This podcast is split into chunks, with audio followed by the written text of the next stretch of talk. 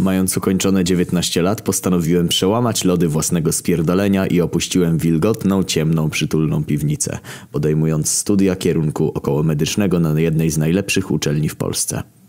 Praktycznie każdy przedmiot fascynował mnie aż do granic możliwości. Naukę ukończyłem z wyróżnieniem, wygrywając po drodze wiele konkursów. Alchemia i botanika stały się moją pasją, jednak rzeczywistość, czyli mamę, hehe, mówiła mi jasno, że po obronie pracy magisterskiej powinienem zarabiać dolany i założyć rodzinę. Tatę powiedział, walcz o marzenia, synu, żyj pasją. Posłuchałem ojca po którym odziedziczyłem ortodoksyjny fanatyzm i stałem się w pełni oddany moim badaniom.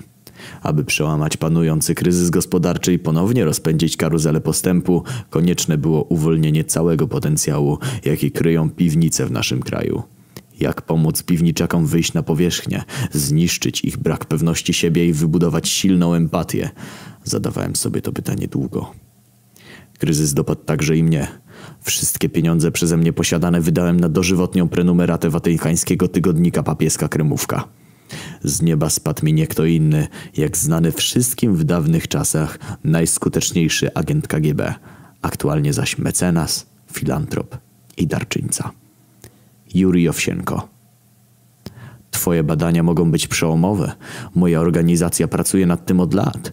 Mamy pewne poszlaki, które wskazują na istnienie tajemniczego greckiego papirusu, na którym zapisano recepturę leku na chorobę piwniczną.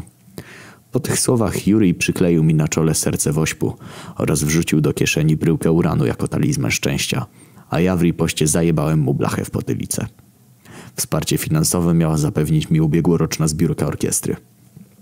Tak zaczęła się moja przygoda w poszukiwaniu nieznanego, w poszukiwaniu starożytnej nauki. Wszelkie tropy doprowadziły mnie do cygańskiej wioski na Podkarpaciu, w której mieszkał farbowany blondyn, jasnowic Lech Roch-Pawlak. Po zapoznaniu go ze sprawą postanowił mi pomóc.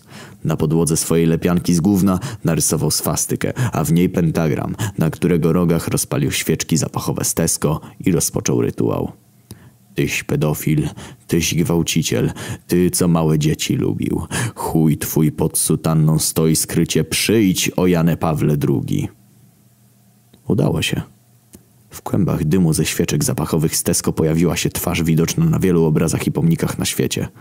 Nie, nie był to Hitler, ale wzywany właśnie papieżak. Rzekł on do mnie – Udasz się do Rennes-le-Château, gdzie mieszka mój uczeń i brat w przekonaniach. On ci pomoże. Słuchaj serca. Na rowerze samochodem udałem się w pieszą pielgrzymkę do Rennes-le-Château we Francji. Po drodze nadrabiając braki wiedzy. Miejscowość ta owiana była legendą wielkiego skarbu templariuszy przywiezionego z Ziemi Świętej w czasie ucieczki przed Ciapatymi. Olśniło mnie.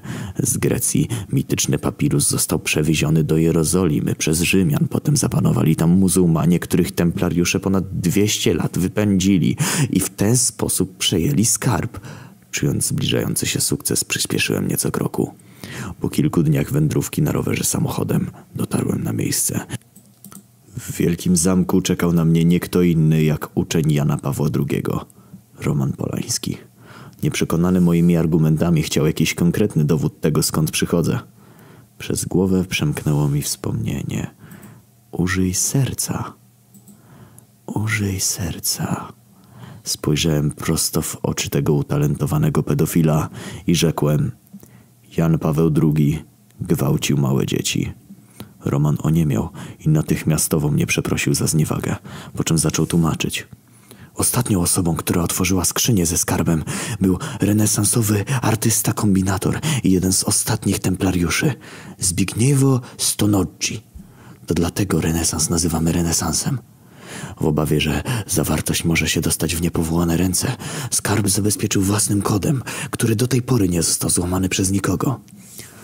Spojrzałem na inskrypcję widniejącą na wieku skrzyni. Przedstawiała ona dla zwykłego śmiertelnika rzeczy niezrozumiałe jednak. Ja od razu wiedziałem, co to jest. Model podwójnej helisy nici DNA w formie puzli. Przepisałem inskrypcję na kartkę, pociąłem ją i ułożyłem w odpowiedniej kolejności.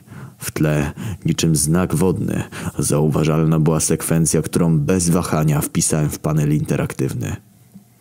Rucham psa jak sra. Wieko otworzyło się. W środku znajdowały się dwa papirusy. Na jednym była mapa Grecji, na której zaznaczono miejsce ukrycia pozostałych skrzyń. Na drugim zaś, na drugim papirusie była... Rucham psa jak sra!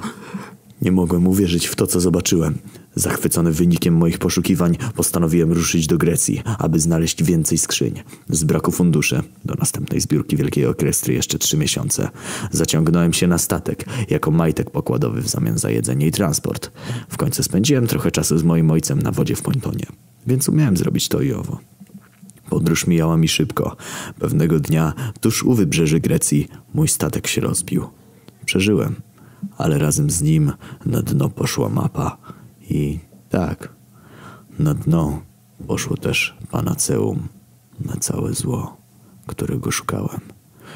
Pierwszy w historii ludzkości zapis pasty o Żydzie Fable. To mój testament. Piszę te słowa uciekając przed zemstą Jurija Owsienki, którego zawiodłem.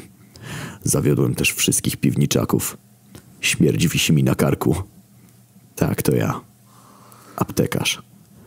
Jeden z ocalałych członków załogi greckiego tankowca Lotus. Rucham psa jak sra.